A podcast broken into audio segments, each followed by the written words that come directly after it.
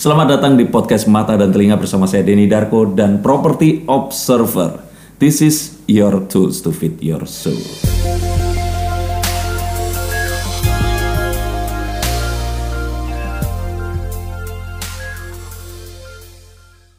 Bersama saya ini ada Bengki, eh, nama panjangnya Bambang Wahyudi Wahyudi Praja. Beliau adalah CEO dari PT Maici Inti Sinergi dan tahu dong Maici produsen snack legendaris asal kota Kembang Bandung. Tapi ternyata beliau ini juga seorang dia seorang kalau kita bilang apa ya eh, penggiat fashion dan kalau kita di Bandung lihat ada satu fashion yang berasal dari sana dan ini mulai melegenda juga namanya SVH Official. Nah itu ternyata foundernya adalah beliau ini. Tapi dulu ternyata dia adalah seorang tel- talent juga, seorang talenta dan talentnya dance bersama kemarin pernah di interview juga eh, Teh Hasti di Wannabe Dancer. Apa kabar? Baik, ini tenggorokan agak kering puasa. Kirain memang eh, karakternya suaranya begitu. Apa kabar ya? Baik saya, Baik, semuanya baik, baik. Nah, alhamdulillah. eh, terima kasih pertama mau Oh iya, datang terima dari kasih. Bandung ke sini Terima kasih sudah di antara diundang. kesibukan. Iya.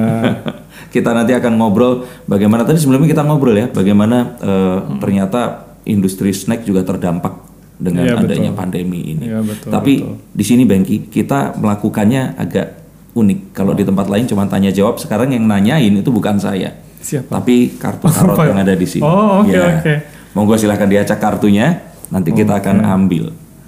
Jadi gimana nih? Di di Diacak aja. acak dulu. Mm-mm. Wah, Nggak apa-apa, nggak apa-apa. Nanti akan ngeluarin 5 kartu. kartunya gede banget ini. Memang kartu tarot itu jumlahnya 78, lebih besar karena ada gambar-gambar detil di situ. Oke, oke, oke, oke. Kayaknya udah deh. Sip. Saya paling ambil paling atas. Bebas yang mana aja. Heeh. Jadi bebas yang mana aja. Kartu tarot ini bahkan eh, kalau nggak salah Gucci ya. Jadi foundernya Gucci itu kayak ka- kalau saya nggak salah ya, itu terinspirasi sama tarot ini. Bahkan ada satu line yang dia tarot semua ininya. Oh. gambarnya. Oke, nanti keluarin totalnya 5 tapi ini yang pertama. Oke. Nggak dibuka aja terus ditunjukin. Oke. Apa nih? Heeh, coba apa itu? Eh, ah, the Ace of Coin. Oke. Semua kartu ini punya makna Iya. dan kartu ini maknanya di seluruh dunia akan sama. The Ace of Coin. Ace itu satu. Atau Biasanya kalau koin itu lambangnya ada empat kan, koin, cups, sword dan wands atau tongkat. Nah, di antara empat ini salah satunya koin ini melambangkan tentang kesehatan, kondisi finansial, fortune dan semua hal yang ada hubungannya dengan keduniaan lah. Nah, Ace of Coin ini kayak kita ngomongin apa ya? Satu peluang yang berhubungan dengan uang dan kemakmuran. Nah, pertanyaannya tentu saja ini kan kalau sekarang jadi CEO dari PT MIC Inti Sinergi ini kan bukan satu satu profesi yang dijalankan dan di-achieve cuman dalam hitungan bulan dan tahun, tapi pasti akan lama banget. Tapi awalnya kenapa kok tiba-tiba akhirnya lari ke situ? Karena denger-dengar dulu malah PNS ya. Iya, jadi kebetulan apa namanya bidang pekerjaan saya itu nggak linear gitu. Jadi mulai dari pendidikan hingga saya lulus itu tuh pekerjaan saya tidak sesuai dengan latar belakang pendidi- Nah, pendidikan dan saya. itu adalah syarat utama buat diundang ke podcast ini. Oh, Nggak gitu. boleh linear. Kalau linear malah nggak akan diundang ke sini. Ini tujuannya menginspirasi orang-orang yang mereka ini batinnya menjerit karena oh, menjerit dengan- kenapa? dengan profesi mereka sekarang itu nggak cocok Oh, sama iya, iya. ininya. Dulu gimana coba diceritain awalnya kok tiba-tiba loh jadi CEO produk snack. Oke, ini dari awal banget ya. Boleh. Oh, oh, Eh, kita ini kok waktunya fleksibel. Oh. Oke oke. Jadi saya itu eh, kuliahnya eh, S1 saya di hubungan internasional HI, oke. Universitas Parahyangan, lulus. Lulus terus saya magang ke Sydney Oke. kerja di LSM namanya The Smith Family. Jadi apa namanya kita menolong anak-anak yang kurang mampu gitu. Hmm. Tapi di sana itu sistemnya pendonor tidak boleh bertemu dengan eh, si anak yang didonorkan. Oh, oke. Gitu. Jadi hanya hanya uangnya aja atau hanya barangnya aja. Oke. Gitu. Pulang ke Indo, pulang ke Indo, terus habis itu karena waktu itu baru lulus kan, namanya masih polos-polos gitulah. Jadi eh, apa namanya pekerjaan apa aja di di Coba. dicoba gitu. Karena CV saya, mungkin CV-nya bisa dibilang bagus karena saya pernah kerja di luar negeri gitu. Iya. Semua apa namanya interview eh, dipanggil, dipanggil, dipanggil, dipanggil. Terus saya tuh dipanggil oleh eh, hotel Sheraton Bandara.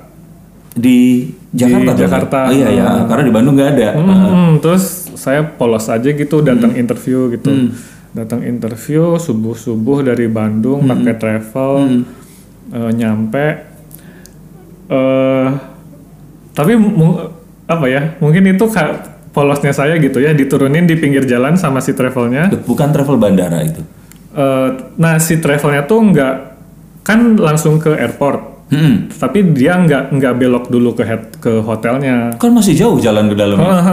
nah terus habis itu aku turun di pinggir jalan ada tukang ojek aku nanya pak eh, saya mau ke hotel Sheraton Bandara dong gitu oh ya sok naik ojek aja gitu berapa K- kalau nggak salah waktu itu 50.000 ribu gitu Tahun berapa? baru lulus 2006 kayaknya Itu mah digetok kalau gitu. Oh, iya. 50.000. apa apa 20 apa 30 gitu terus aku naik pas naik baru 50 meter udah berhenti terus aku aduh apa, ya Iya, iya, karena iya. waktu itu Kecil masih ya. kecil ya aduh dikibulin nih maksudnya saya bisa jalan kaki aja kalau Iya, 50 iya benar. meter kan Heeh. terus habis itu apa namanya aku datang interview interview tuh langsung diterima Oh. Mungkin karena kan kalau kalau visitor eh, eh, Sheraton bandara kan dia apa namanya eh, banyaknya cabin crew, Oh betul ya. terus orang-orang yang transit biasanya biasanya bule gitu. Iya. Karena aku baru pulang dari Sydney bahasa Inggrisnya masih masih bagus Iya. gitu. heeh. Eh, jadi aku langsung diterima, langsung diambil.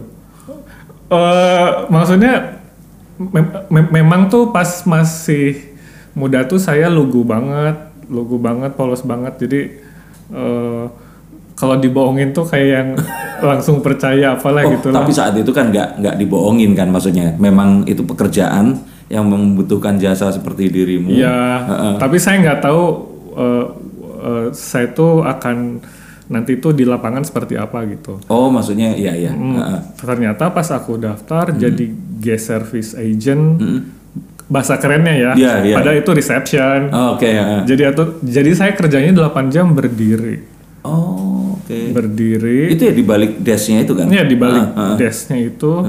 Terus itu tiap hari eh, aku ambil kayak kan ada shift malam, shift Hmm. pagi. Terus apa namanya ambil seragam gitu. Ambil seragam tuh seragam tuh nggak ada seragam khusus saya.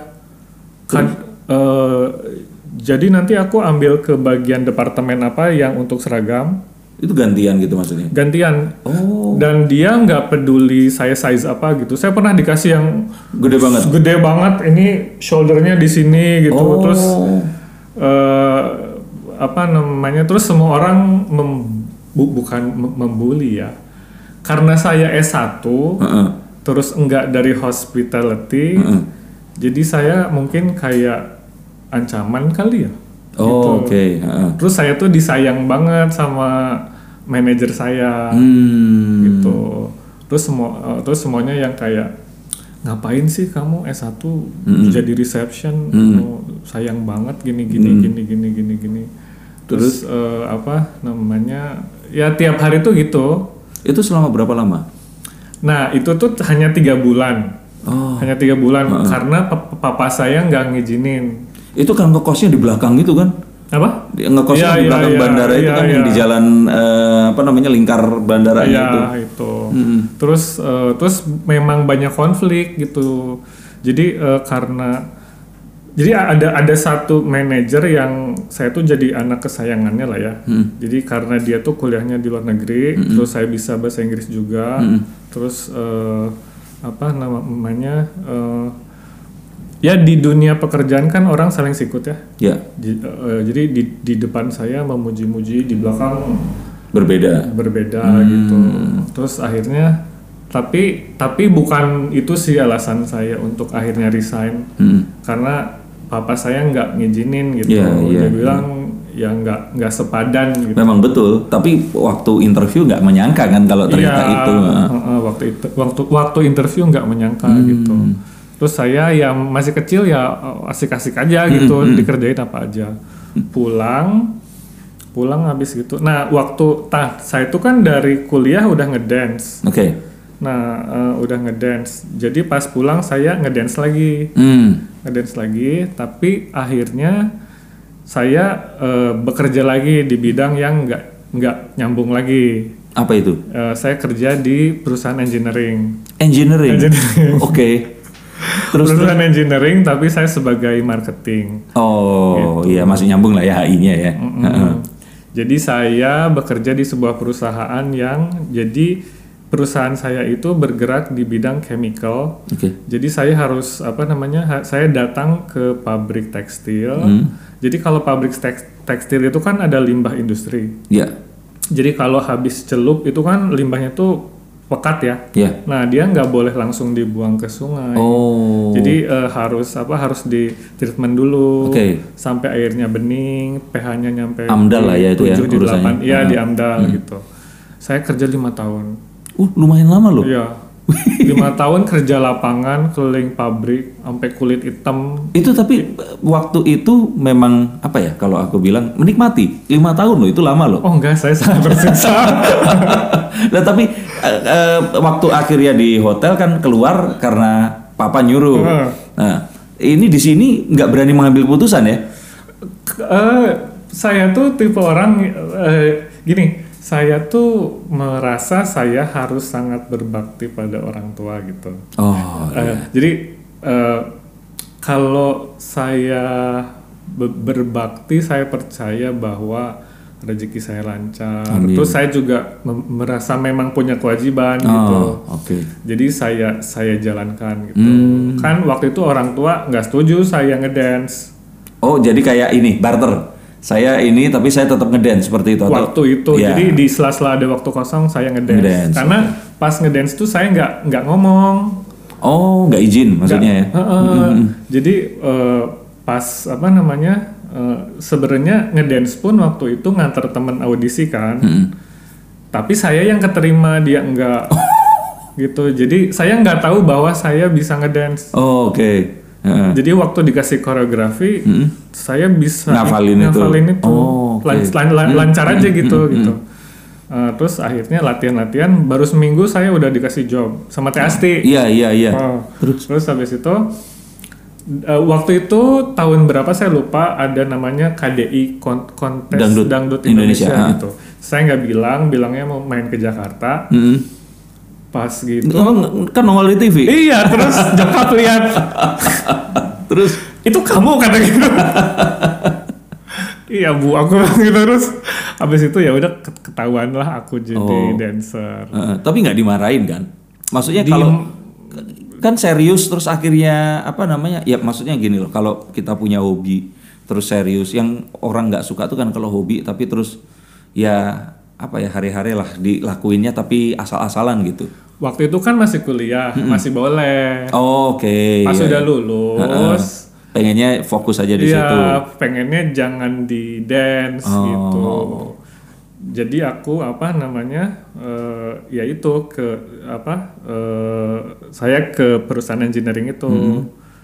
lima tahun itu juga hal yang berat ya karena saya bukan tipe orang yang kerja di lapangan gitu.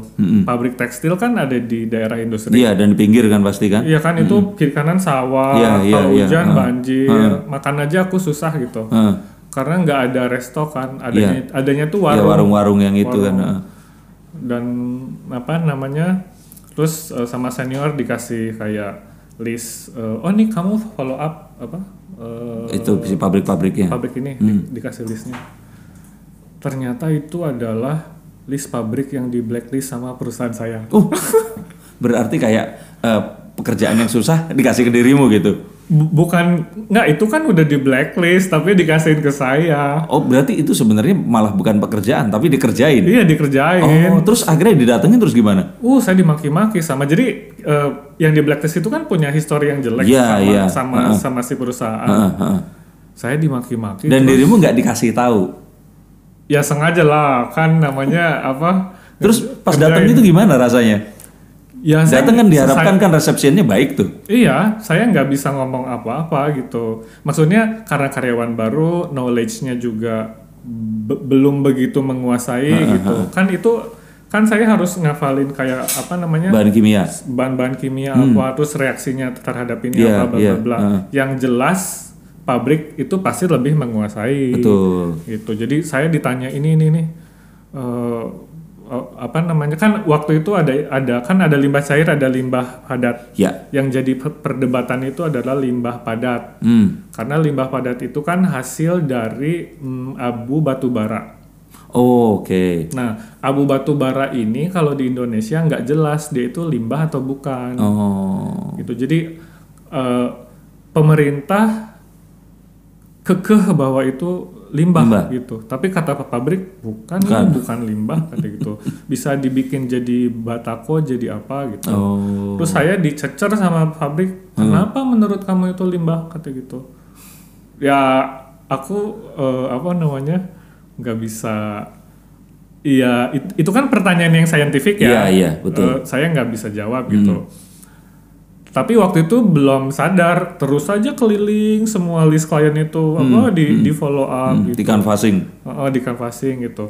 Yang didatengin tuh ya ada yang saya nggak bisa masuk sama sekali, ada yang pabriknya kecil, hampir hampir bangkrut gitu. Eh, Itu tapi tapi dari sana saya belajar berorganisasi Hmm. gitu. Maksudnya itu pelajaran yang apa ya? Bukan bukan menyakitkan ya, pelajaran yang sulit. Iya. Tapi saya belajar surat menyurat, Hmm. belajar tata cara bagaimana saya harus bicara dengan Iya, atasan, dengan iya. bawahan. Waktu saya datang ke pabrik, saya ngobrol kan sama operator yang operator itu adalah orang yang mengo- mengoperasikan Mesin. eh, enggak dia eh, apa namanya eh, bak limbahnya kan seperti kolam Oh, tuh. iya iya iya. Oke. Dia bukan technician Terus? kan eh, seharusnya Iya, kan ke technician kan betul. tapi cuma kayak bapak-bapak penduduk sekitar yang disuruh Oh. jaga aja terus saya menjelaskan oh ini harus pakai chemical ini nanti gini Dan gini nggak ngerti campur- itu? campur. ya saya pakai bahasa-bahasa yang textbook Heeh, dikasih ke heeh, saya kan heeh. nggak nyambung Oh. Dan itu artinya harus dimodifikasi dari dirimu sebagai penyampaiannya, betul Iya, kan? iya. Nggak bisa kita memodif Iya. dia kan? Dari situ saya belajar bahwa cara kita berkomunikasi dengan orang itu harus satu frekuensi Iya, gitu. iya. Jadi eh, dari yang formal akhirnya saya belajar kayak nerangin pakai bahasa Sunda. Hmm. Karena kan eh, di di Bandung kan. Iya, betul. Gitu. Jadi baru masuk, Hmm. baru bi- bisa berkomunikasi gitu. Jadi kadang ada orang kan yang suka ngomong pakai bahasa dewa gitu, Iya, iya. canggih gitu Heeh. semuanya. Malah nggak ngerti mereka. Iya kan eh, yang nggak ngerti ya percuma kan kan komunikasi itu tidak akan bisa ter- terjalin Iya. kalau saling tidak memahami kan. Ya, yang penting kan informasinya nyampe. Iya, ya nah yang penting kan Betul, informasinya betul, nyampe. Kalau walaupun saya bahasanya informal, pakai bahasa Sunda, tapi dia ngerti, Ngerti akhirnya. dan tercapai itunya. Tapi lima tahun loh itu tadi makanya. Iya. Ini kan sesuatu yang nggak sebentar. Itu malah lama kalau saya bilang. lama lama banget. nah, momen apa akhirnya merasa kayak apa ya? Udah selesai lah, udah nggak nggak nggak lagi deh gitu. Itu kapan? Eh, kan sebenarnya lebih karena tekanan dari senior. Ya, Jadi kan Di lima tahun itu kan dirimu harusnya udah senior kan? Itu tetap ditekan sama senior. Oh, Enggak, jadi kan berbeda kan saya fresh graduate tuh, yang lain umurnya udah 45-an ke Oh iya oke oke. Jadi eh, ya saya mah dikerjain aja lah. Tapi lima tahun berarti tadi saya mikir itu ya dikerjainnya setahun lah, empat tahunnya normal gitu. Ini full berarti ya? Full itu. Oh oke. Terus eh, abis itu eh, akhirnya kan karena orang tua itu adalah semuanya pegawai negeri sipil PNS ya. Dari mama papa tante aku om Wah. aku terus semuanya udah jabatan yang apa? Ya, ini udah di rolling dan sudah sampai di jabatan ya seniornya ya. udah jadi eh, kadis kepala Iya, apa iya, segala macam gitu. Sampai kalau mama aku tuh udah sampai di puncak jabatan paling tinggi yang kan dia guru tuh. Guru kepala sekolah pengawas sampai akhirnya pensiun. Oh. akhirnya saya disuruh jadi PNS terus lagi-lagi karena saya udah saya harus berbakti pada orang tua gitu kan Nurut. nurut jadi aku honorer dulu Oke, eh, sebentar. Itu berarti di tahun ke-6 setelah kelulusan ya? Hmm. aku honorer tapi di Subang Honorer Tapi tapi, di di Subang. Tinggalnya tetap di Bandung. tinggalnya tetap di Bandung Setiap hari ke Subang. iya satu satu jam lah Satu jam kan berangkatnya doang. iya Iya, pulangnya sejam lagi. Terus ini apa namanya eh, bagiannya berarti kalau di apa Di awal pariwisata atau misalkan Eh, BKD BKD. BK- BKD itu badan ke, ke, kepegawaian. Kepegawaian. ke, kepegawaian daerah. Berarti kayak HR-nya ya. iya kayak HR kayak sum- kayak SDM itu jadi kalau eh, apa penerimaan CPNS atau pejabat-pejabat yang akan naik jabatan Oh, sekolahnya ke mana? eh, itu kita yang urus Oke. gitu Berapa lama? tiga tahunan empat tahunan lah Di situ. di situ Di apa namanya eh, dinas di, itu. di dinas itu Oh, oke. sampai akhirnya saya i- ada kesempatan untuk apa ikut tes Heeh. sekali tes saya langsung lulus Oh gitu. Hmm. Mungkin karena pengalaman dan sebagainya ya. Enggak sih kalau tes tuh murni hasil apa Bukan, maksudnya pengalaman tuh pengalaman kerjamu itu dipertimbangkan nggak? Kan udah pernah kerja di mana, di mana, di mana sehingga setahu saya sih enggak ya. sih. Itu sama kayak kalau Bener- kita tes. UMPTN Iya, gitu ya. iya, oh, oke. ha. Itu sekali langsung masuk. Mm, sekali langsung masuk Terus sekali langsung masuk terus aku eh, ini apa namanya kalau mau diangkat itu kan ada namanya prajabatan yes. heeh. Tiga ti- tiga apa empat hari gitu wah itu berat banget hampir nggak tidur Itu kayak ospek gitu kan ya? iya kayak ospek terus tempatnya sangat tidak layak Sama tentara kan itu biasanya. iya? Heeh. itu kayak kandang ayam Iya, iya. Terus terus terus. terus habis itu udah lulus udah lulus penempatan pas dapat surat aku penempatannya di satpol pp Satpol PP. iya Satpol PP. iya dan yang sangat nggak saya banget gitu. Makanya enggak maksudnya kan kalau lihat dirimu kan dandy, Iya, dancer iya, ya kan. iya, maksudnya kan keindahan ya kan? Dan semuanya. Ini terus? Iya terus aku kan pulang ke rumah. Heeh. Bu aku satpol pp gimana dong? Aku, aku bilang gitu kan. Terus a- akhirnya eh, kita cari-cari apa namanya eh, surat rekomendasi gitu jadi biar di ya kan Karena- karena udah diterima, cuman diposisikan yang lebih sesuai dengan background inilah ya. terus karena saya pernah kerja di badan kepegawaian ya kan yang atur ba- badan Iya, kepegawaian iya. saya mi- minta tolong kayak aduh ini di ini dong eh, dimutasi dong oh, masa satpol pp aku bilang gitu Tapi nggak bisa. Nggak bisa. bisa Oh bisa. akhirnya aku ke kantor kecamatan Oh. Tapi sem- sempat itu di Satpol PP. enggak akunya nggak mau tidak terbayang padaku eh, ngapain nih Iya, oke. Terus terus terus habis itu akhirnya aku ke kantor kecamatan nah waktu itu mulai maici Oke. Gitu. Ini berarti sekalian memang jalannya ke sana ya. Hmm. Heeh. Nah, terus jadi terus. ini urutannya seperti itu. Waktu dulu PNS itu kan masih bisa kayak double job gitu Betul, loh. heeh. Masih punya bisa usaha lain, Iya, masih bisa apa.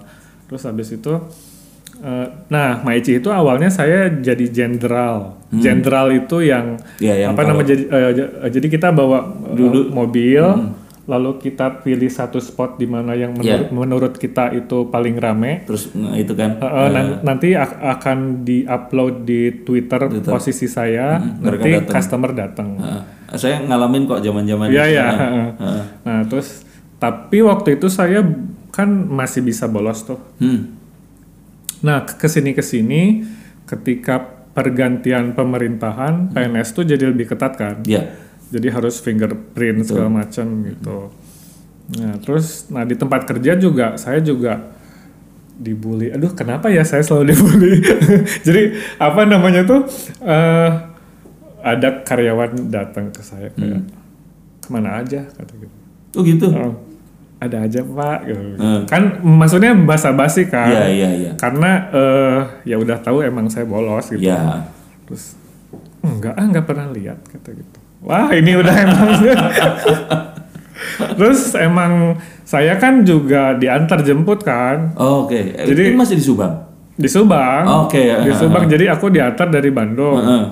Diantar pakai sopir, Heeh. sopirnya nunggu Nungguin. di depan kantor Jadi kelihatan kecamatan. bisa nih tuh kalau ada atau enggak gitu kan. Heeh, gitu. Terus eh, ya gimana pun saya memang akan terlihat berbeda Iya, gitu. iya. heeh.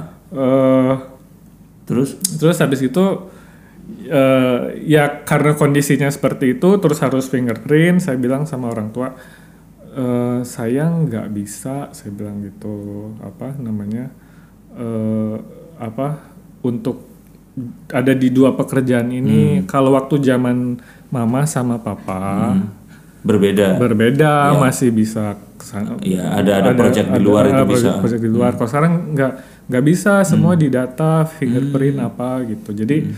ya udah saya jadi PNS aja deh saya bilang itu Oh, oke.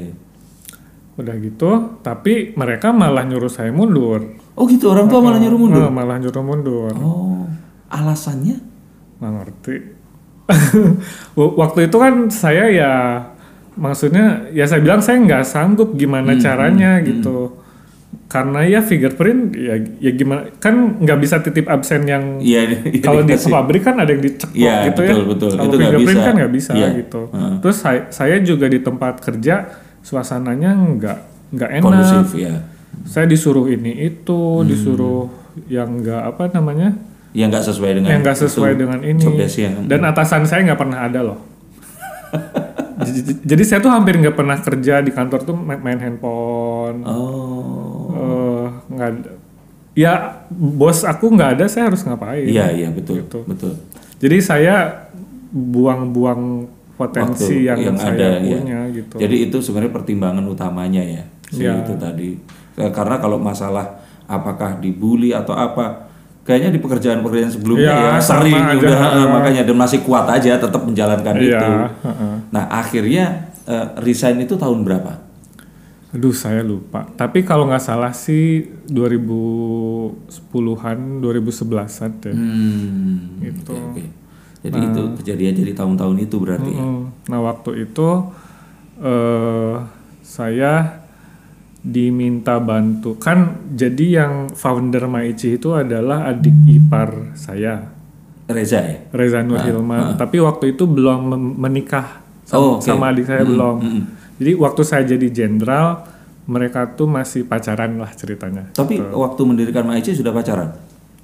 eh bel- bel- belum apa kayaknya masih PDKT PDKT gitu Oh lah. gitu. Berarti tapi memang ini eh, sebagai informasi kan siapa tahu kan orang yang kain oh dapat pekerjaan sekarang jadi CEO ini karena nepotisme gitu.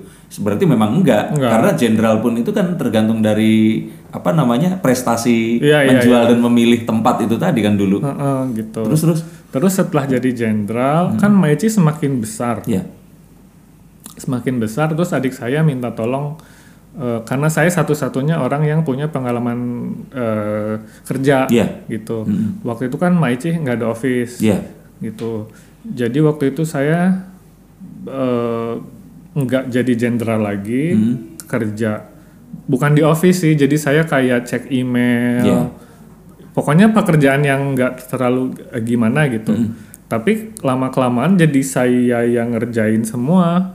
Karena mereka semua nggak ada yang punya pengalaman Iya di situ. pengalaman kan bagaimanapun juga kalau bisnis po- apa fondasinya itu adalah Flow dokumennya itu tadi. eh, apa organisasi. Iya, betul. Kan kita harus punya kemampuan manajerial. Betul, betul. Harus bisa surat menyurat, Iya. harus tahu caranya membangun relasi segala Iya. macam itu. Akhirnya beberapa tahun kemudian Reza meminta saya untuk jadi direktur utama. Hmm. Gitu. Nah dari situ sama saya organisasinya dibentuk. Oh, gitu. oke.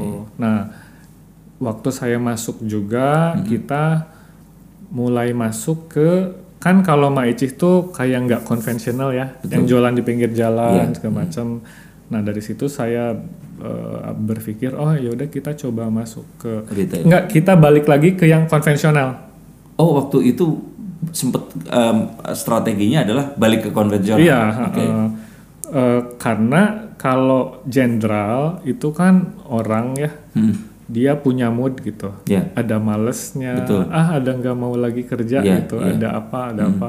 Sedangkan kalau konvensional, kalau kita masuk ke retail, eh, dia kalau Ada target, ada kan semuanya. kalau convenience store kan dia ada yang 24 jam di setiap jalan ada Iya. Selalu ready Hmm. gitu jadi lebih kontinuitasnya tuh tuh lebih konsisten gitu Hmm. Oke. akhirnya kita awalnya tuh dulu Circle K Ya, sekarang masih ada nggak sih Circle K udah mulai nggak ada, tapi beberapa masih buka. dulu tuh di Bandung mulainya 10 store kalau nggak salah Hmm. Circle K lama-lama masuk ke Alfamart, Hmm. Indomaret, Superindo, Iya. Carrefour gitu. 2012 itu ya, berarti 2013 13 ya? 2014-an kan apa ada transisi. masuknya tuh dikit-dikit Iya, gitu ah, kita ah, ah, gitu. ah.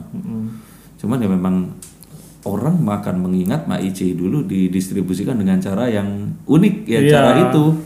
Bahkan Dulu tuh eh, kita salah satu pelopor apa makanan apa keripik Iya. pedas. Betul dan keripik pedas yang ya mulainya benar-benar dari nol. Dari bukan bukan karena istilahnya di di found founding oleh perusahaan yang lebih besar atau ini adalah produk apa kayak side produknya dari satu produk yang sudah established Iya. gitu loh. Seperti itu. Dulu kan yang kainnya orang tuh Maicih tuh ada orangnya. iya benar. Ada ada Iya, ada emaknya. beneran gitu. Jadi oh ini perusahaan keluarga ya? Punya siapa ya? Gini gini gini. Enggak ini ini suatu image yang kita ciptakan em- memang eh, apa branding gitu Iya, iya. Oke, tar. Ini tadi sebenarnya terlalu panjang buat sebuah Oh, iya, iya, maaf, maaf, maaf. itu tadi loh, kebayang eh, profesinya ternyata kalau biasanya yang Hmm. aku interview ini tuh profesinya satu terus pindah langsung gitu. Udah langsung apa namanya menemukan jalan gitu. Ini nyasarnya sempat tiga kali sebelum akhirnya ke sini ya. Ambil ambil kartu lagi, ambil kartu. oh lagi. iya iya Mm. oke Dan ini satu hal juga untuk kalian semua yang nonton, jangan pernah menyerah, terus cari apa yang jadi passion kita itu tadi. Apa itu kartunya? the high priestess Oke. Nah, high priestess ini adalah seseorang yang constantly learning, dia terus belajar dan karena dia selalu mengetahui bahwa saat dia mengetahui satu hal, di saat yang bersamaan pasti ada hal lain yang memang dia nggak ketahui. Nah, waktu akhirnya terjun di Maichi itu kan juga ya tadi loh semuanya ini kan nggak ada nggak ada backgroundnya kan memang. Kuliahnya HI terus eh, ngurusin AMDAL terus kemudian eh sorry perhotelan dulu. Terus eh, ngurusin AMDAL terus kemudian di apa namanya eh, PNS. PNS di bagian kepegawaian. Nah akhirnya ke sini pun itu berarti yang membuat pertama kali berani mengambil adalah bahwa ya sudah setiap saat itu memang harus belajar gitu atau bagaimana Eh, saya tuh termasuk orang yang eh, menurut saya ini ke- kelebihan saya Hmm. adalah saya tuh mau I would go extra mile oke untuk s- apa pun, gitu. apa pun Heeh. gitu. Jadi eh, dan saya tuh mau-mau aja. Kan saya bukan tipe orang yang eh, kerja di lapangan sebenarnya, Iya. tapi ya saya kerjain Iya. gitu. oke Terus habis itu eh, PNS nggak saya banget, tapi Hmm. tetap tetap saya kerjain saya ma- mau gitu. hmm. Terus habis itu eh, balik lagi ke Maichi. Eh, saya nggak pernah membayangkan akan menjadi seorang pengusaha gitu. Saya nggak tahu caranya, nggak Hmm. Iya. punya ilmunya. S1-nya kan hubungan internasional. Eh, nah sampai akhirnya ketika di Maichi, eh, saya memutuskan untuk mengambil S2 Hmm. gitu di Bisnis. bisnis bisnis manajemen di Unpar juga gitu dari situ saya eh, karena kan apa namanya udah bukan warung lagi Iya. gitu jadi karena lawan transaksi saya tuh nah saya harus mengejar eh, teknologi dan manaj- manajemen dari lawan transaksi Hmm. yaitu Alfamart, Iya. Indomaret segala macam yang mereka pasti ah, ya partainya pasti akan lebih besar kan itu. Iya dan teknologinya lebih canggih gitu. Oh. Jadi kalau kalau keluarin PO tuh udah via website gitu, B2B gitu. Iya, iya, iya. Jadi eh, terus pajak apa semuanya harus sudah rapi Iya, benar. gitu. Jadi di situ sih sebenarnya kerja keras eh, Maicih Hmm. itu gitu. Karena memang sebelumnya tradisional sekali. Kar karena kan foundernya tuh eh, Reza ya. Iya. Dia mulai dari nol hingga akhirnya booming, eh, terus eh, masuk ke retail yang oh, sebuah organisasi besar dan kita harus mengikuti kan, mengikuti kinerjanya dia kan. Betul. Nah, jadi harus dibentuk organisasi yang bisa menyesuaikan dengan kinerjanya eh, f- apa klien kita juga Hmm, gitu. Oke. Nah, saat itu berarti kan dirimu ini dihadapkan pada dua pilihan dan itu dua pilihan yang sulit. Hmm. Satu eh, berpindah ke industri yang memang sudah ya kalau saya bilang machinery dan semuanya ini eh, B2B itu tadi loh urusannya benar-benar kalau perusahaan ke perusahaan itu kan ya harus benar-benar proper semuanya. Iya, betul. Pencatatan, Betul. dokumen dan sebagainya. Sedangkan sebelumnya kalau saya nggak salah loh ya, tapi image yang saya dapatkan adalah ini tuh ala MLM yang waktu sebelumnya Hmm. multi level marketing jadi member get member gitu artinya kan jenderal-jenderal ini kan manusia memang harus dipelihara Hmm. dan mereka ini jadinya kan sebenarnya organisasi manusia kan nah terus kemudian sekarang kan jadi total menjadi bisnis yang memang ya dipaksa oleh keadaan jadi harus kayak bisnis-bisnis eh, snack yang lainnya Hmm. gitu nah waktu itu akhirnya mengambil jalan ke situ tuh tantangannya apa aja Tantangannya adalah pertama ada di modal. hmm Untuk masuk ke apa convenience store atau retail, kita harus bayar ada namanya listing fee. oh iya iya Nah, itu bisa miliaran. Tergantung jumlah toko yang mau kita ambil. Oh, jadi kayak misalkan nih, eh, saya sebut merek nih, Alfamart seperti itu. Hmm. Mereka misalkan saya punya 1000 gerai seperti itu. Itu berarti paketnya ada nih, misalkan Ya. eh, 100, Ya. 500, Ya. 800 sama 1000 gitu. Betul. Oh. Dan itu di depan pembayarannya. Di depan. Oh. Di depan. Terus habis itu kalau udah masuk ke tokonya kan stok harus selalu Ya, ada ready, kan. ha. Artinya eh, eh, ki- kita harus ready stock, Hmm. nambah modal lagi, harus belanja raw material lagi Hmm. gitu. Tantangannya di situ. Nah waktu itu, aduh berani nggak ya gitu. Iya, maksudnya waktu waktu Circle K kan baru 10 toko. Betul ya, itu kan kebayang lah, kegambar. ha. Nah, waktu Alfamart tuh 7000 gitu. Itu baru Alfamart ya. Iya.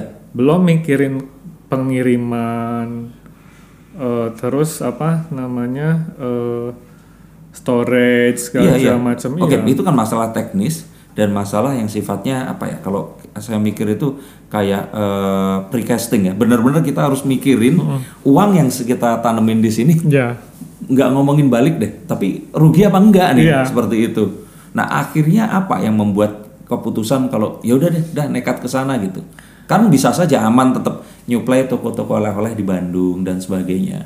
Hmm, sebenarnya eh, lebih ke spirit dari foundernya sih, dari adik saya gitu, eh, Reza. Eh, ya dia pengen Maici berkembang menjadi lebih besar gitu. Ya, Jadi yaudah kita ambil resiko ini gitu. Karena pilihannya hanya diam di tempat atau kita ya itu lari lebih kencang berjalan, lagi. iya Heeh. gitu. Tapi kan berarti waktu itu kan nggak bisa itu kan nggak bisa kita kayak googling oke cari eh, apa namanya ekspedisi pengiriman cari Iya, iya. eh, gudang atau apa belajar ke mana waktu itu Sama almarhum papa oh gitu gitu. Jadi dia kan bisnisnya banyak waktu jadi PNS. J- eh, jadi apa namanya kayak billboard, Oh, periklanan, oke, eh, itu per- percetakan gitu. akhirnya eh, minta contekan dari Iya, beliau mi- minta dan dibantu. diarahkan itu tadi Betul. oh Gitu. Jadi kita belajar tapi itu juga eh, saya belajar bahwa eh, dia selalu bilang sama saya, kamu mah taunya textbook. hmm, Pa- Papa mah udah benar benar udah udah di lapangan gitu. iya iya Dan saya selalu merasa terintimidasi dengan apa namanya? Kan kalau kita masih muda tuh selalu merasa benar ya. Mm-mm. Eh, apalagi sama sama orang tua tuh uh, Iya. demannya berantem Iya, gitu. iya, karena ya di sekolah kita taunya apa, di rumah orang tua beda Iya ternyata. iya iya. iya. Tapi eh, tapi dengan seiringnya berjalan waktu apa yang dibilang papa saya tuh selalu benar. gitu. Jadi biarpun aku papa tuh nggak ngerti, zaman udah beda gini gini gini gini. Eh tapi dia pada akhirnya at the end of the day dia, Dia benar ya. Karena pengalaman. Karena pengalaman Iya. gitu. Terus akhirnya oh ya udah deh aku ap- tiap apa-apa yang dia bilang apa saya cerna. Terus habis itu eh, saya belajar bahwa ap- eh, orang itu tidak selalu selat- 100% benar dan salah gitu. Ter- tergantung point of view-nya dari mana gitu. Iya, iya. Dan perkembangan zaman, teknologi, ilmu sosial juga berpengaruh terhadap bisnis, apa perilaku konsumen, Hmm, Iya, Hmm. gitu, struktur organisasi, gitu. Jadi eh, memang secara teori, teori juga kalau strategi bisnis kan mengalir seperti air ya, selalu ada perubahan, Perubahan. di mana kita perbaiki apa, eh, terus apa diubah lagi Iya. gitu. Nah eh, di situ ya iya saya belajar pada beliau selain teknis juga non teknis kayak attitude, Iya. manner, etika itu paling penting. Gitu. Dan itu kan memang yang dipelajarin di datang ke pabrik-pabrik di blacklist itu belajarnya juga di situ kan iya, sebenarnya. kan saya belajar untuk merendahkan hati. Maksudnya gini, eh, saya ngerasa waktu itu oh habis dari luar negeri S1 segala macem terus saya nerangin ke operator Hmm. Iya. yang mang-mang Iya, iya. eh, yang nggak ngerti nggak ada, sama iya. sekali itu saya pakai bahasa senyawa kimia apa bla bla bla dia bengong aku Nggak ngomong gitu tapi kan akhirnya oh ya udah Hmm. saya bukan bukan mengalah ya tapi lebih ke Ya, me- itu menyesuaikan gelombang ini, menyesuaikan ya, ya. gitu komunikasinya tidak akan terjalin kalau saya kekeh Ya. dengan bahasa-bahasa yang bahasanya betul tapi kan orangnya nggak ngerti Bener, bener. Oh, oh. Cuman aku ngalamin banget dari Mak Ici itu yang masih kayak di plastik seperti Iya. itu, yang dikemas dengan ya itu dikerjain orang lah sampai akhirnya ini kalau kita lihat di sini nih bisa seperti ini ya aku sih bukan bukan permasalahan apa ya. eh ini ini eh, ngomongnya saya harus hati-hati. Kalau saya lihat misalkan kayak teman-teman yang eh, Chinese seperti itu, dia punya usaha seperti ini tuh kan karena mereka ini memang mereka itu kayaknya lebih nekat dibandingkan yang non Chinese seperti kita ini.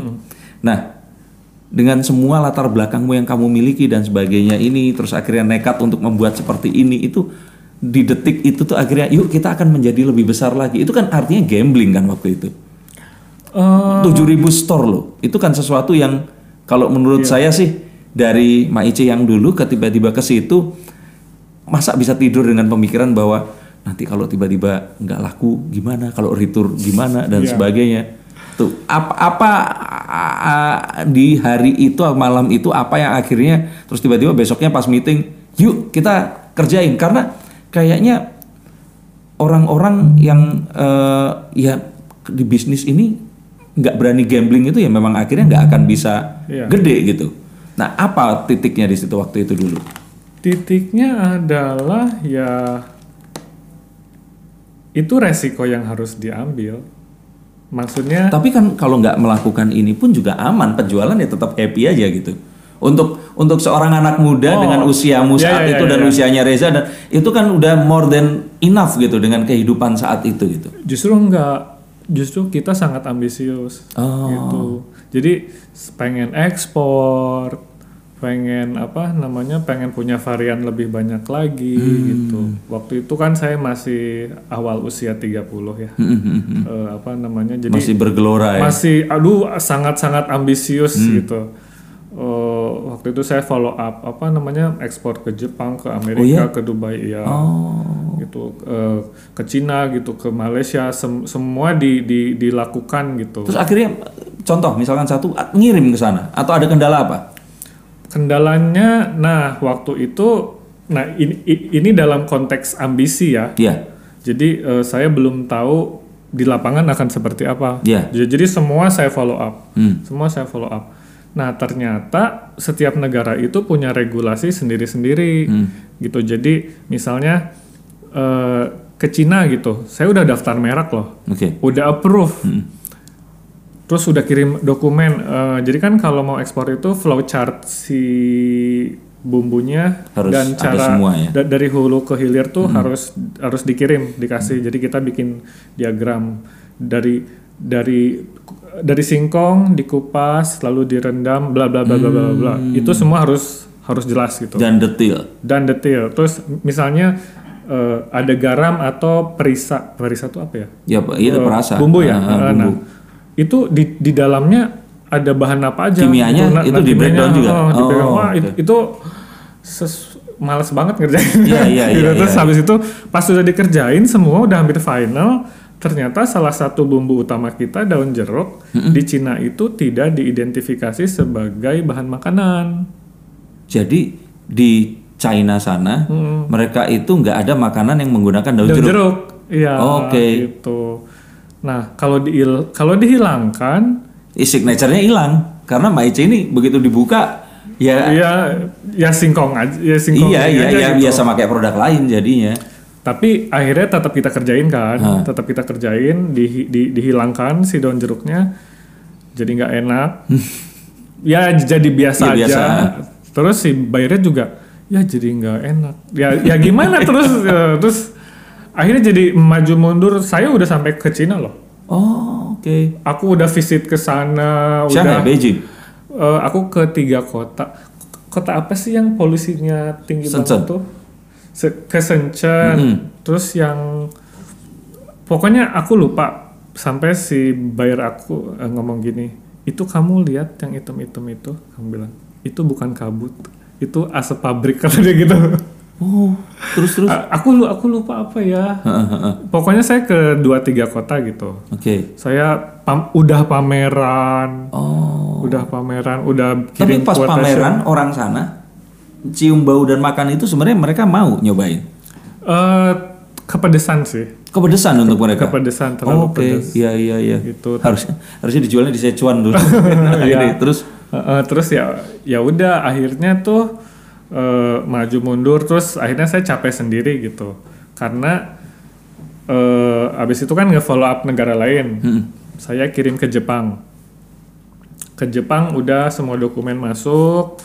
Terus ternyata pas udah kirim eh, oh, eh, eh, eh, jadi gini di awal itu ada persyarat nah kalau di Cina daun jeruk tidak diakui sebagai apa namanya bahan, Bahan makanan, kalau di Jepang eh, makanan tidak boleh mengandung sianida oh, tapi ini ada cyanidanya. nah di dalam singkong itu ada sianida 0,00 sekian persen gitu. Nggak membunuh kan itu ya? ya orang nggak ada yang mati makan singkong kan. Iya, Eh, iya, iya, terus iya. habis itu eh oh ya udah tol- eh, cek lab aja saya bilang itu Eh, lab apa yang Ditunjuk, oleh ditunjuk mereka. oleh pemerintah Jepang.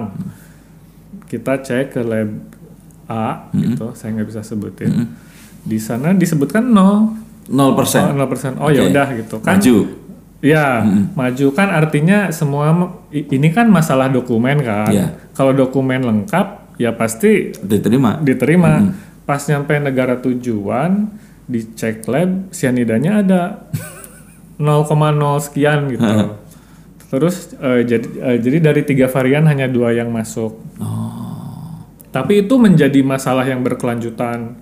Saya dikontak oleh Departemen Luar Negeri, oleh eh, apa eh, m- eh, Departemen Pertanian, terus eh, ada warning dari pemerintah Jepang bahwa kalau satu kali lagi ada kiriman singkong ke Jepang, Mm-mm. eh, apa namanya eh, Akan blacklist. akan blacklist semua produk dari Indonesia. Itu sampai sekarang belum beres. Tapi kan waktu itu saya bilang lah kan labnya yang, yang, nunjuk bilang ya mereka juga ya. eh, kan labnya menyatakan nol. Kalau kalau ada kandungannya ya dari awal pasti nggak lolos. Betul, betul. Gitu. Cuman ya berarti setiap negara Setiap itu negara. punya ini sendiri ya, punya peraturan sendiri ya iya. mereka itu. Misalnya Am- Amerika wording di dalam packaging juga penting gitu. Iya. Kalau bule kan dia banyak alergi ya, Ya. kayak harus Kacang, kacang. ya harus ditulis meng- mengandung kacang, gluten free, Hmm. apa segala macam gitu. Jadi eh, investasinya juga besar karena untuk setiap negara packagingnya beda-beda Hmm. dan formulasi bumbunya beda-beda. Oh, oke. Akhirnya di situ saya oh ekspor susah juga ya. Kalau kalau mau juga fokus ke satu negara Iya, iya. gitu. Cuman itu salah salah satu pengalaman jadinya ya. Iya pengalaman gitu. Oh, ini Mak Icinya kebanyakan ngobrol ke sana. Coba ambil kartu lagi. Kita coba nanti kalau kartu yang memang mengarah ke sana, pengen fashionnya. Fashionnya seperti apa? Oke, nah ini kan. The Ten of Wands. Jadi fashion itu dimulainya kapan? Fashion 2017. Oke, berarti kan dalam artian eh, cita-cita di Mak Ici ini sudah sedikit banyak sudah terrealisasi kan. Nah akhirnya terus kemudian di fashion ini itu eh, ininya apa yang membuat akhirnya ke sana? Sebenarnya nggak nggak nggak ada passion yang gimana amat. Iseng sebenarnya. Karena adik perempuan saya eh kita bikin usaha sendiri yuk selain dari Maici. Ma- Oke. Mas, masa Maici doang? Ini si istrinya Reza. Ya istrinya Reza. Mm, Terus, Terus kita bikin sebuah brand modest wear hijab oh hijab, namanya Swasa. swasah. Swasa. Eh, Oke. Nulisnya swasa pakai V. Oh ya, kalau bahasa Sanskrit itu kan kayak Dewi itu ditulisnya Devi, Devi, Deva, ya. ya. Kayak swas artinya? Eh, artinya sister karena oh adik perempuan. karena kan sama adik Iya, saya. iya, iya, eh, iya. Terus itu brand untuk perempuan. Hmm. Jadi ya udah nam- namanya swasa gitu. Tapi setelah kita jalankan tidak sesuai dengan rencana gitu. Hmm. Jadi apa namanya dari segi sales tidak sesuai dengan yang kita harapkan gitu. Iya. Terus saya juga bi- eh, apa namanya? Saya juga nggak kepikiran, saya nggak nggak bisa desain baju cewek juga gitu. Terus eh, ap- apa namanya? Kemudian adik saya mundur karena dia juga sibuk sebagai ibu rumah tangga. Oke. Terus dia bilang "Eh, ya udah kalau mau diterusin sok aja dia bilang. gitu. Hmm. Terus saya bilang oh ya udah deh saya terusin tapi jadi brand unisex ya Hmm. karena eh, gua nggak ngerti kalau Iya, kalau hijab tuh hijab. gimana Nah, kan gua kan sa- saya nggak pakai hijab bilang gitu nggak ngerti kayak kalau harus dingin kah harus Iya, nutup kah harus iya. warna-warnanya apa nah akhirnya dibuat jadi brand unisex Hmm. terus suatu waktu saya pergi holiday ke Korea Hmm. bareng family terus saya bilang eh, eh saya coba foto di sana deh Hmm. gitu waktu itu waktu itu saya nggak foto di Indonesia karena pada tahun tersebut tren model di Indonesia itu adalah yang keker-keker Keker-keker tuh yang sebentar. oh, berotot. Oh berotot, oke. Eh, dan dan saya tuh terbiasa kan kalau dulu tuh ada parabola tuh nggak? Kalau Iya, iya. kalau kita kan saya biasa nonton fashion TV gitu. Kalau lihat mo- model kan kurus-kurus Betul. kurus tapi lean gitu. Iya. tapi ini. Tapi waktu itu di Indo tuh eh trennya model laki-laki tuh Ya harus kayak ya, binaraga. Ya. Heeh, gitu. Terus oh nggak nggak nggak cocok sama sama Hmm. Lainnya. Hmm. estetis sama estetik saya gitu oh ya oh ya pas holiday coba deh aku foto di sana nah jadi dari Indo tuh aku iseng-iseng aja DM-in apa model-model di sana yang Hmm. freelance gitu terus udah ketemu akhirnya ya udah di sana foto tapi kita foto outdoor gitu Oke. Foto Musim apa outdoor. waktu itu? wah winter Winter. winter Desember Lihat terus bajunya baju winter juga. enggak Berarti ngakalin. Hah? Diakalin. enggak diakalin ya kita foto dalam keadaan dalam keadaan freezing gitu Ya maksudnya eh, bajunya itu kan baju tropis kan atau baju yang baju biasa Iya, kayak baju biasa, eh, eh. kayak gini terus terus. terus ya ya udah kita foto dalam keadaan Jadi cepet-cepet tuh balik kayak gitu, Iya iya iya iya, kayak gitu kan. gitu Oh, terus terus eh, ya udah abis dari itu foto Hmm. pas balik ke sini apa kebetulan eh, apa namanya kita sering emang sering ke Korea juga Eh, apa jadi selalu foto di sana Hmm. eh, orang-orang itu mengira bahwa oh sorry, uh, lalu saya mengubah nama swasta ini menjadi SVH Oke. karena eh, eh, jadi huruf A-nya saya hilangkan. Karena kan sudah tidak relevan ya. Iya. Karena swasta kan artinya Adik sis- perempuan, iya. sister. Ah. Sedangkan ini eh, apa namanya brand unisex Hmm. gitu. Dan eh, image-nya juga lebih internasional. Iya. Jadi pada awalnya orang-orang tuh ngirainnya ini Brand Korea. brand Korea Oh. atau brand luar gitu. Nah, saya juga selalu foto di luar negeri sih. Hmm. Eh, ya di Amerika pernah, di Jepang pernah, gitu. Eh, tapi semenjak pandemi, nah itu aku nggak PR-nya itu. P- eh, nggak bisa. Tapi saya coba deh foto di Indo, foto di Indo dan ternyata hasilnya masih bagus. Masih bagus juga? Oh, masih bagus juga. Dari situ oh ya udah. Tapi memang udah ada official dari awal. Maksudnya? Ini kan SVH official ya? Eh, oh, eh, of- officialnya belakangan pas sudah kita rebranding. Oh, tapi bukan karena banyak yang bikin ini ya kan? Knock Enggak, off ya enggak. kan? Eh, enggak, enggak. Makanya kan biasanya ada tuh kalau artis pakainya official di belakangnya. Iya, iya, iya. Cuman akhirnya eh, sekarang ini seperti sekarang. Kalau seandainya 100%, Maici berapa persen, SVH ini berapa persen? Eh, mungkin 60 40, 40 ya. 60-nya Maice. tetap di Maici. Nah, tapi 40 persennya di SVH ini apa yang mau? Kalau Maici kan udah kegambar nih dengan semua udah nasional, ghost internasional juga. Kalau SVH ini apa yang lagi sekarang ini dicoba untuk dikejar? Yang lagi dikejar adalah saya pengen mass production. Jadi pada awalnya kan eh, saya ngerjain SVH itu hanya hobi aja, Hmm. gitu. Jadi eh, saya nggak pernah ngambil profitnya untuk apa? Untuk diri saya sendiri, gitu. Jadi uangnya Developing lagi ya. ya muter-muter muter-muter dan desainnya juga memang statement piece gitu J- eh, jadi makanya kebanyakan baju SVH itu seringnya dipakai oleh selebriti, influencer gitu. Karena terlalu apa namanya? Dia- Terlalu dia- fashion statement ke orang biasa. Dia sangat bold gitu. Ya, ya. T- Tidak semua orang Bisa. punya kepercayaan diri untuk memakai pakaian yang seperti Betul. itu gitu. Nah, tapi ya di lain sisi eh, po- positifnya adalah nama brandnya jadi naik Ya. Gitu. Karena si diidentikan dengan eh, kalangan yang memang dia ini punya tadi fashion statement tadi itu kan.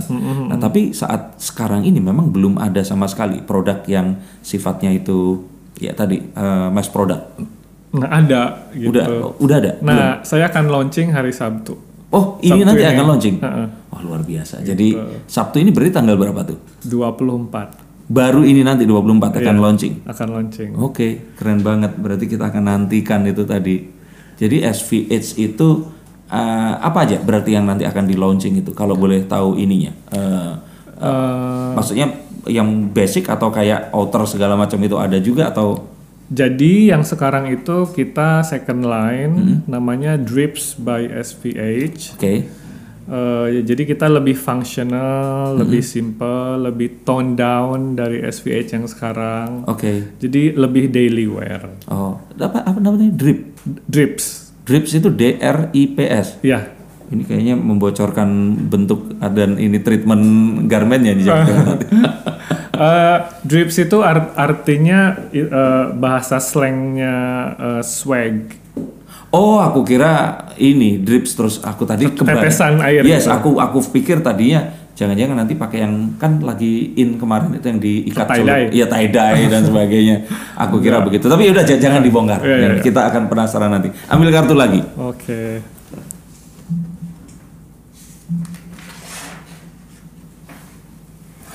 Oke. Nah, itu hangman. Ini posisi benar-benar kita itu bingung, nggak tahu mau ngapain, dan kita hanya bisa yang bisa kita lakukan satu-satunya cara ya just eh, ini point of view. Agar kita nggak malah kebawa sama situasi yang akan merugikan kita. Itu sama persis seperti kondisi saat kemarin yaitu tadi datang terus ketemunya Mang Mang nggak mungkin dijelasin dengan bahasa ini. Dan saat eh, berdebat sama almarhum papa tapi in the end of the day papa yang bener. Nah sekarang yang ingin saya tanyakan yang lebih berat lagi nih itu kan dengan pengalaman itu tadi berarti uh, ini bisa menyesuaikan dengan kondisi apa pun gitu. Pandemi. Apa kabar ini? Mak Icih dan semuanya apa yang menghantam dan terus kemudian ke depannya ini apa yang akan dilakukan? Aduh, pandemi itu seperti tidak ada jalan keluarnya ya. Kalau misalnya apa namanya eh, kita turun pasti ada pe- penurunan Hmm. pasti gitu. Karena kalau Maici kan besarnya di offline. Betul. Sedangkan retail sendiri malah ada beberapa yang tutup Hmm. gitu. Jadi kita udah dapat surat kayak penutupan toko beberapa Oh, notice ya. Ha, ha. notice gitu. Terus eh, kita juga berusaha bertahan untuk tidak me- mengkat karyawan, Hmm. nggak gaji gitu. Eh, tapi eh, keadaan tidak membaik sih sampai saat ini Hmm. gitu. Jadi eh, akhirnya harus cut cost apa namanya kayak eh, kan kita punya office, Yeah. punya storage, punya pabrik Hmm. itu. Nah akhirnya kita storage sudah nggak pakai lagi. Oh gitu. Uh, j- jadi dari pabrik nanti akan langsung Langsung direct. langsung langsung Ya, ya, direct ya, ya, gitu. Jadi kita dalam survival mode aja Hmm. gitu sampai apa? Sampai ya uh, di lain sisi se- uh, apa founder juga apa uh, Reza juga Hmm. uh, dia bi- apa berusaha untuk apa namanya bikin project Hmm. Jadi setahu saya dia lagi mencoba menggarap untuk berkolaborasi dengan salah satu apa resto gitu. Oh resto ya. Uh, jadi Maici uh, nanti akan jadi kondimen Di resto di itu tadi. resto itu Oh, gitu. Oke. Ya karena itu tadi kan eh, bicara juga produk seperti ini kan beda dengan pakaian yang bisa kita store dan nggak ada kadaluarsanya. Iya betul. Eh, kalau seperti ini kan walaupun dia memang lebih lama tapi kan tetap freshnya kan pasti akan berkurang Hmm. dan apalagi satu eh, resiko ini bocor dan sebagainya di pengiriman itu kan jadi satu hal yang juga harus dipertimbangkan. Iya. Tapi memang ini terjadi ya sama semua produsen snack. Semua semua saya kan juga eh sharing ya Mm-mm, ke teman-teman yang teman-teman eh, yang di lini yang sama di ya. lini, di lini yang sama gitu. Terus kita juga sama-sama bengong kayak mesti ngapain. Saling curhat ya jadi. Dia saling curhat tapi ini jalan keluarnya Apa? apa, gitu, bingung gitu. eh karena saya lihatnya gini, kalau retailnya aja repot, Ya. ya apalagi kitanya gitu, Iya, betul. kayak mereka mulai telat bayar, Ya. mulai eh, secara cash flow Hmm. bagus, masih bagus, piutangnya besar, Tapi tapi nggak dibayar, ya Oh, gimana, gimana iya, sama aja iya. bohong. uangnya gaib. Iya uangnya gaib bener. Cuma angka di atas Iya komputer. cuma angka di pencatatan Iya, tapi iya. uangnya nggak ada. Iya, iya. Tapi ya kalau menurut saya sih memang akhirnya kita harus kembali ya. Itu itu aset itu adalah hubungan kita itu tadi aset kita. Jadi ya semoga orang-orang yang ya orang yang akhirnya bekerja sama ini kan orang-orang hebat juga ya. Akhirnya mereka punya tempat usaha dan sebagainya. Mungkin itu yang bisa kita lakukan Betul, sekarang. betul. Nggak memutus hubungan tapi menjaga ya. Siapa tahu ini semua nanti lewat nih apokalipsnya Iya. kita bisa jualan lagi. Mudah-mudahan. Oke, satu kartu terakhir. Nah, kalau tadi di Ace of Coins ini the Nine of Coins. Oke, Nine of Coins ini kayak uh, kondisi di mana semuanya itu sudah tercapai, semuanya sudah didapatkan dan kita bisa membagikan semua kebahagiaan kepada orang-orang di sekitar kita. Nah, buat seorang Bengki ini ini kalau bahasanya istilahnya menuju pensiun. Buatmu itu ada pensiun nggak sih dengan ini semua? Dan dengan semua yang misalkan sekarang kan sibuk nih berarti di snack dan fashion jangan-jangan mau ngerjain sesuatu yang lain lagi. Apa atau bagaimana? Ke depannya nih akan ngapain? Eh fokus saya sih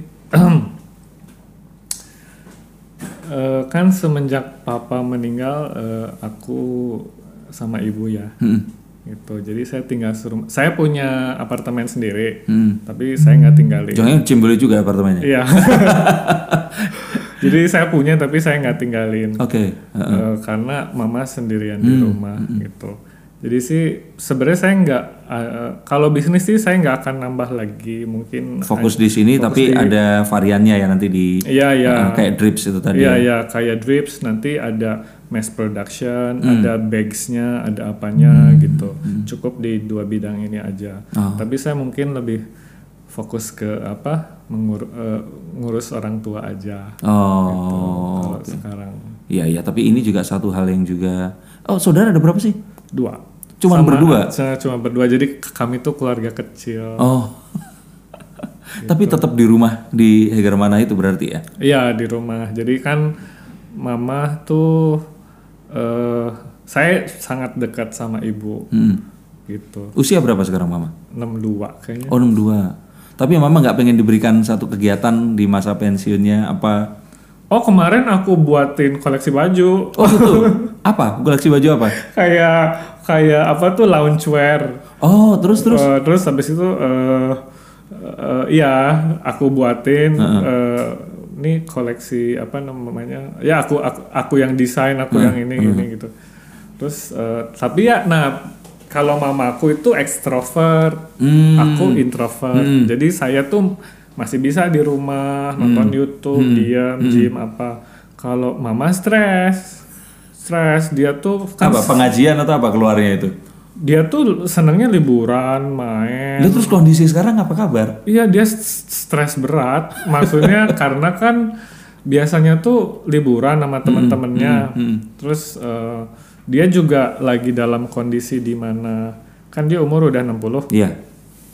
terus dia curhat kayak, aduh nih teman mama meninggal satu Iya, persatu iya. katanya gitu, tiap hari ngelayat, ngelayat katanya gitu, Eh, kan ada kekhawatiran apa namanya, Kesehatan dan sebagainya ya. ya waktu gitu kan. Iya iya. Uh, dan saya juga kayak uh,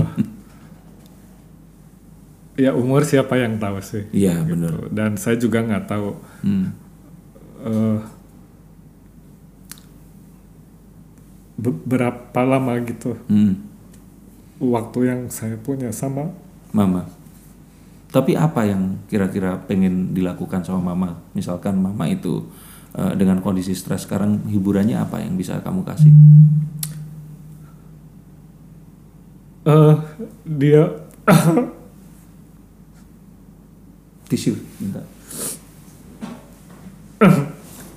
um, sampai ah. dia bilang sih eh, cukup ada saya aja Hmm. kalau ada saya dia apa tenang gitu Hmm. Tapi memang itu makanya apartemen juga ya udah tinggalnya sekarang juga sama mama dan sebagainya. Cuman kalau tadi dengan dirimu menceritakan mama itu aja udah seperti ini, sedekat apa sih? Jadi maksudnya tuh jangan-jangan dari semua ini ya yang membuat dirimu kuat bisa seperti ini. Itu ya mama gitu. kayak temen sih kayak jadi kita tuh emang keluarga komedi gitu jadi eh, kadang kita suka ketawa-ketawa tanpa alasan Mem- eh, maksudnya kayak pernah nggak mas Hmm. Dani apa namanya punya temen yang punya humor internal Iya, gitu iya, ah, yang ah. cuma kita Yang tahu, eh, ya. yang, yang, yang tahu Ah, doang ah. nah aku sama Sektoral lah ya, Eh, aku sama mama. tuh udah di tahap kayak gitu gitu Oh. terus kayak pakai baju tuh udah bebareng karena kan mama kan pakai kerudung. Terus kita satu size gitu. Hmm. Eh, dia tiba-tiba pakai baju aku pakai tas aku pakai Oh. pakai apa. Eh, terus eh, ya ke mana-mana bareng ngejim bareng gitu. terus cu- kalau dulu di dia yang nasihatin saya Iya. sekarang aku yang Kebalik, nasi- ah, nasihatin ibu mama. gitu. Terus eh, iya sih jadi kalau kita bareng tuh eh, ya kita merasa tenang gitu Hmm. dan mama tuh sebenarnya bukan takut Takut sudah selesai masanya. Iya, dia dia tuh bukan takut itu. Ah. Tapi? dia, dia takut untuk berpisah sama anak keluarganya ini tadi. Tapi ini sesuatu yang ya apa ya? Kalau menurutku tuh eh, ya mama yang orangnya seperti itu, kamu yang kebalikannya gitu. Iya. Tapi ternyata saling melengkapi dan papa tuh nggak ada Kapan? dua tahun yang lalu. Tapi mama masih tetap sekarang ini dia tetap ya tegar aja dengan papa nggak ada. Ya karena ada saya, Hmm. maksudnya karena eh, jadi kan kan di awal-awal dia stres ya, Hmm. selalu bilang, aduh coba kalau ada apa-apa, coba kalau ada apa-apa gitu. Hmm. Terus saya bilang, j- j- jangan suka ngomong seperti itu, Hmm. Sep- apa namanya, kan seperti tidak meridoi Iya. keputusan eh, jalan Tuhan Iya, gitu, mm, kan sudah jalannya. Iya. Eh, saya bilang "Me- memang sudah waktunya, saya bilang gitu, Hmm. dan semua orang itu pasti akan pergi, Iya, saya bilang gitu. Eh, dan masalah itu akan selalu ada di kehidupan kita. Iya. Masalah itu akan berhenti ketika kita sudah mati, saya Iya. bilang gitu. Kita yang meninggalkan bukan kita yang ditinggalkan Iya, ya. heeh. Heeh. Jadi kalau ada masalah ada apa? Bukan jangan di apa artinya ya bukan jangan jadi cuek dan nggak diselesaikan. Iya, heeh. Tapi itu hal biasa, saya bilang itu. Ada jalan keluarnya tergantung respon kita seperti apa gitu. Semakin kita panik, semakin semakin ya semakin masalahnya membesar gitu. Iya. Jadi kalau ada masalah ya tenang dulu, pikirin dulu apakah ini Eh, saya saya tipe orang yang I choose my battle gitu. Iya. Nggak semua nggak semua konflik tuh Hmm, harus, bisa dimenangkan. ya harus bisa di, di, dimenangkan gitu. Kan semakin sukses orang semakin banyak yang nggak suka ya. Betul. Iya. Banyak DM DM yang masuk ke Instagram saya Hmm. eh, bilang saya jelek lah, bilang saya apalah segala macam. Tapi saya biasa aja Iya. karena eh, dari zaman dulu saya udah di Iya, ya, menghadapi mem- banyak itu menghadapi hal seperti tantangannya itu, dan lagian sosial media kan Ya memang tempatnya itu orang. kan hanya iya. teks ya Iya. Nggak bisa menyakiti saya Iya. kecuali orangnya datang ke muka saya Hmm. terus ngata-ngatain saya tapi orang macam apa sih yang Iya. akan seperti itu gitu Tapi ya kalaupun orang seperti itu, ya itu hak mereka sih. Tapi Iya. hak kita juga mau menerima atau enggak. Iya, gitu. Nah, gitu. Dan memang itu adalah satu hal yang dalam satu paket, kalau sudah di posisimu ya, hal itu pasti akan terjadi. Ya. Saat ada uh, follower, pasti ada hater. Dan follower ya berarti kan orang yang mengkonsumsi ini, mengkonsumsi uh, fashionmu dan prestasimu lebih banyak dibandingkan hatersnya ini tadi. Itu sih menurutku. Tapi ini satu hal yang luar biasa bahwa nggak pernah tahu kalau saat orang itu sukses itu ternyata di baliknya itu ada perjalanan-perjalanan itu tadi ya panas-panas nyebrangin sawah Iya, terus nerangin banjir. Kemang banjir ya atau perjalanan Subang eh, bolak-balik selama berapa tahun itu itu tiga empat tahun tiga empat tahun itu kayak super travel loh berarti bolak-balik Iya, dan jalannya kan gini Iya makanya. Dan orang akan mungkin taunya adalah "Ah, Bengki enak sekarang jadi CEO-nya Maichi punya brand ini pergi ke luar negeri dan sebagainya. Tapi ternyata kita semua dibangun dari banyak hal yang ya orang lain mungkin nggak akan mampu juga sih. Kalau kalau aku jadi kayak dirimu itu kerja di hotel dikasih baju kayak gitu tapi terima kasih banget Iya. udah sharing nah yang terakhir apa yang mau disampaikan agar teman-teman di sana yang memiliki yaitu tadi eh, kegelisahan yang serupa itu agar mereka itu tadi choose your own battle itu kata-kata yang bagus loh Hmm, nah, saya mau cerita sedikit. Gimana? Jadi karena pendidikan dan pekerjaan saya tidak linear, Linear. saya punya, saya sangat tidak percaya diri dengan diri saya Hmm. gitu. Eh, kan saya berpindah-pindah pekerjaan. Iya. Terus saya bilang, eh, ini saya pindah-pindah pekerjaan karena saya buruk di pekerjaan saya, Mm-mm. atau, Atau? kenapa ya? Iya. Sebenarnya kemampuan saya apa sih? Hmm. gitu. Waktu kuliah saya ikut teater, Iya. terus dancer di wannabe dancer. Habis itu di Maichi, perusahaan engineering, LSM, semuanya nggak nyambung gitu. Eh, expertise saya tuh apa, sebenarnya mau jadi apa gitu. Tapi at the end of the day, hal-hal yang eh, hal-hal yang telah saya lalui membentuk saya menjadi seperti saya sekarang, Sekarang ini. ini. saya bisa desain baju, bisa apa namanya baju-baju saya bisa dipakai oleh selebritis karena saya pernah jadi dancer. Hmm. Saya tahu rasanya di atas panggung. Iya. Saya tahu baju seperti apa yang Nyaman. bag- yang bagus untuk di panggung. Hmm. Jadi itu inspirasi desain saya. Oh. Gitu. Oh, eh, kalau saya desain baju 90% itu udah pasti akan dipakai artis. Hmm. Eh, karena saya sudah tahu, kan aku udah tahu di panggung lighting apa segala Iya, macam. iya, iya. eh, baju apa yang nggak boleh, yang garis-garis Iya, nanti iya. flicker, Flicker, gitu. betul. Ha. Terus eh, terus dari dari yang di engineering saya belajar untuk mer- merendahkan hati Hmm. eh, apa namanya eh, bagaimana untuk bicara dengan orang yang A B C ya, maksud- eh, maksudnya gini orang kan punya tingkat pendidikan yang Berbeda-beda berbeda-beda ya. dengan yang pendidikan seperti ini seperti ini seperti ini gitu Eh, saya juga pernah ada di masa-masa bukan kelam ya jadi eh, saya ada eh, waktu di mana eh, kerjanya party terus Hmm. Ini apa enggak? hampir tiap hari Iya, kayak nggak mikirin sesuatu yang ya itu kan beresiko juga kan sebenarnya. Iya gitu. Eh, waktu itu saya merasa kayak oh I'm on top of the world gitu. Saya punya segalanya gitu. Tapi eh, waktu itu saya ada ada di kumpulan orang-orang yang super kaya gitu. Tapi saya ada di kasta yang paling bawah. Oh, Oke.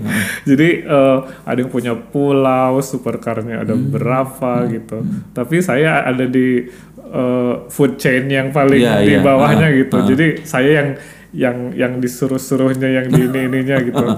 Eh, bahkan kita tuh saling tidak mengenal dalam artian saya tahu semua ini miliuner gitu, tapi saya nggak tahu uang, uang uangnya dari Dari mana? dari mana gitu.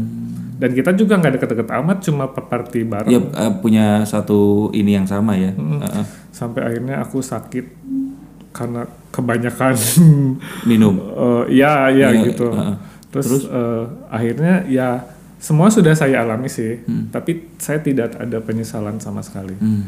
maksudnya eh, semua kesalahan ataupun pengalaman buruk pengalaman baik yang pernah saya lakukan itulah yang menjadikan diri saya sekarang.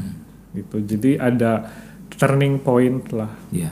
gitu. Jadi eh, saya menurut saya seseorang itu harus berada pada titik paling rendah dulu. Hmm. Eh, apa namanya? Sehingga dia bisa bangkit gitu. Dan ya pesan saya buat teman-teman eh, saya juga pernah ada di titik seperti itu. Eh, ke- kerja pindah-pindah. Iya. terus habis itu selalu merasa ketakutan. Bahkan ketika dengan brand SVH ini pun kan saya tidak punya pendidikan desain ya Iya. Nggak ada mode juga nggak nggak ada nggak ada sama sekali Otodidak semuanya. Oh, semuanya otodidak Eh, setiap mengeluarkan koleksi selalu takut Hmm. aduh takut dihina takut Iya. nggak laku takut apa gitu tapi eh, saya mengamini apa yang saya yakini Hmm. gitu kan saya sel- selalu curhat aduh desain baju saya aneh-aneh kayaknya apa o- o- orang nggak akan suka bla bla Hmm. Iya, bla iya. tapi ketika saya mengamininya Hmm.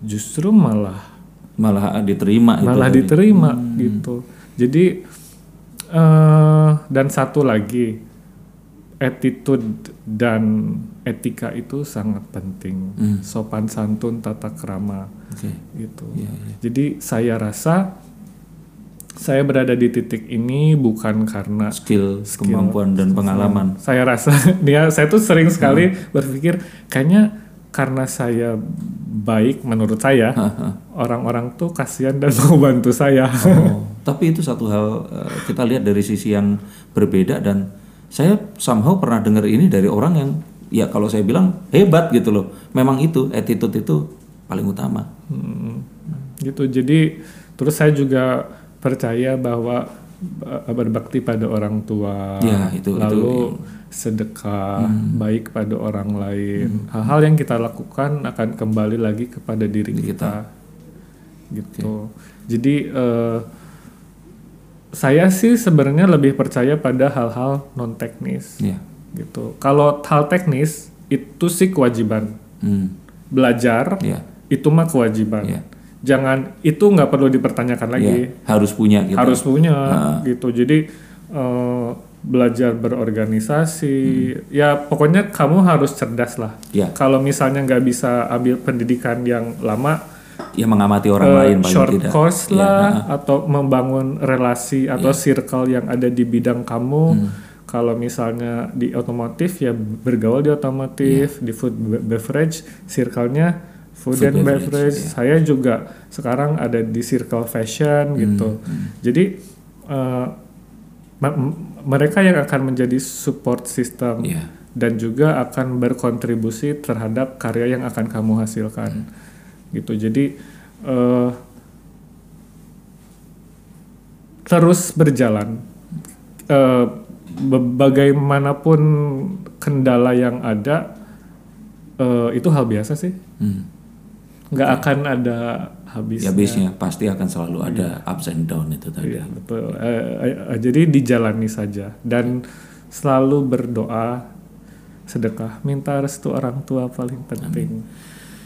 Yang menarik dari eh, pembicaraan ini adalah orang tua, orang tua, orang tua dan ternyata memang tadi eh, kalau dibilang orang bisa dibilang kan wah itu nyasar, nyesel nggak sih buang-buang waktu hampir 10 tahun tuh ngerjain sesuatu yang ya kan. Tapi itu tadi kan berbakti sama orang tua.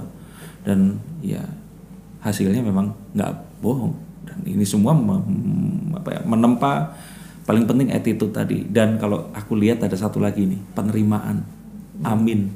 Bahwa menerima kalau itu tadi jalan ke Subang satu jam balik lagi satu jam selama sekian tahun dan kita nggak berharap apa pun tapi udah jalanin aja dulu seperti itu. Terima kasih banget Bengki Aku banget yang nanti- terima kasih sudah diundang. pengen banget nanti kita ngobrol lagi kapan-kapan pas Iya. ke Bandung ya Iya, iya. Heeh. terus kamu harusnya bikin channel YouTube Kenapa? Enggak, maksudnya buat itu tadi nyeritain Oh, buat banyak Maici, hal, ya, ya, ya. nyeritain semua. Enggak, enggak cuman buat Maici. Untuk Maici, untuk ini tadi bahwa apa ya? Karena kadang-kadang ada orang-orang ini yang dia itu mau melakukan sesuatu tapi mereka ini ragu-ragu dan takut. Dan dia hanya butuh di-trigger oleh orang yang oh, ternyata ada orang yang punya kegelisahan yang sama.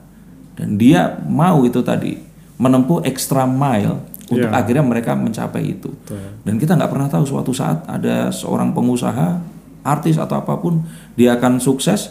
Terus pas dia nanti ditanya, loh kok akhirnya seperti ini? Gara-gara pernah nonton YouTube-nya Bengki Oh, dan dia terinspirasi untuk tadi itu going extra mile. Ya. Terima kasih sekali lagi dan terima kasih untuk kalian semua yang menyaksikan sampai obrolan kita ini benar-benar nggak direncanakan sampai sejauh ini, tapi ini inspiratif banget. Terima kasih sekali lagi dan terus ikuti podcast mata dan telinga karena hanya di sini kita semua akan tahu bagaimana apa yang kita tempuh ini. Terkadang memang harus belok sedikit atau belok jauh, tapi apa pun itu ini pasti akan menuju ke sesuatu yang lebih baik lagi. Terus saksikan podcast Mata dan Telinga because this is your tools to feed your soul. Sampai jumpa dan salam.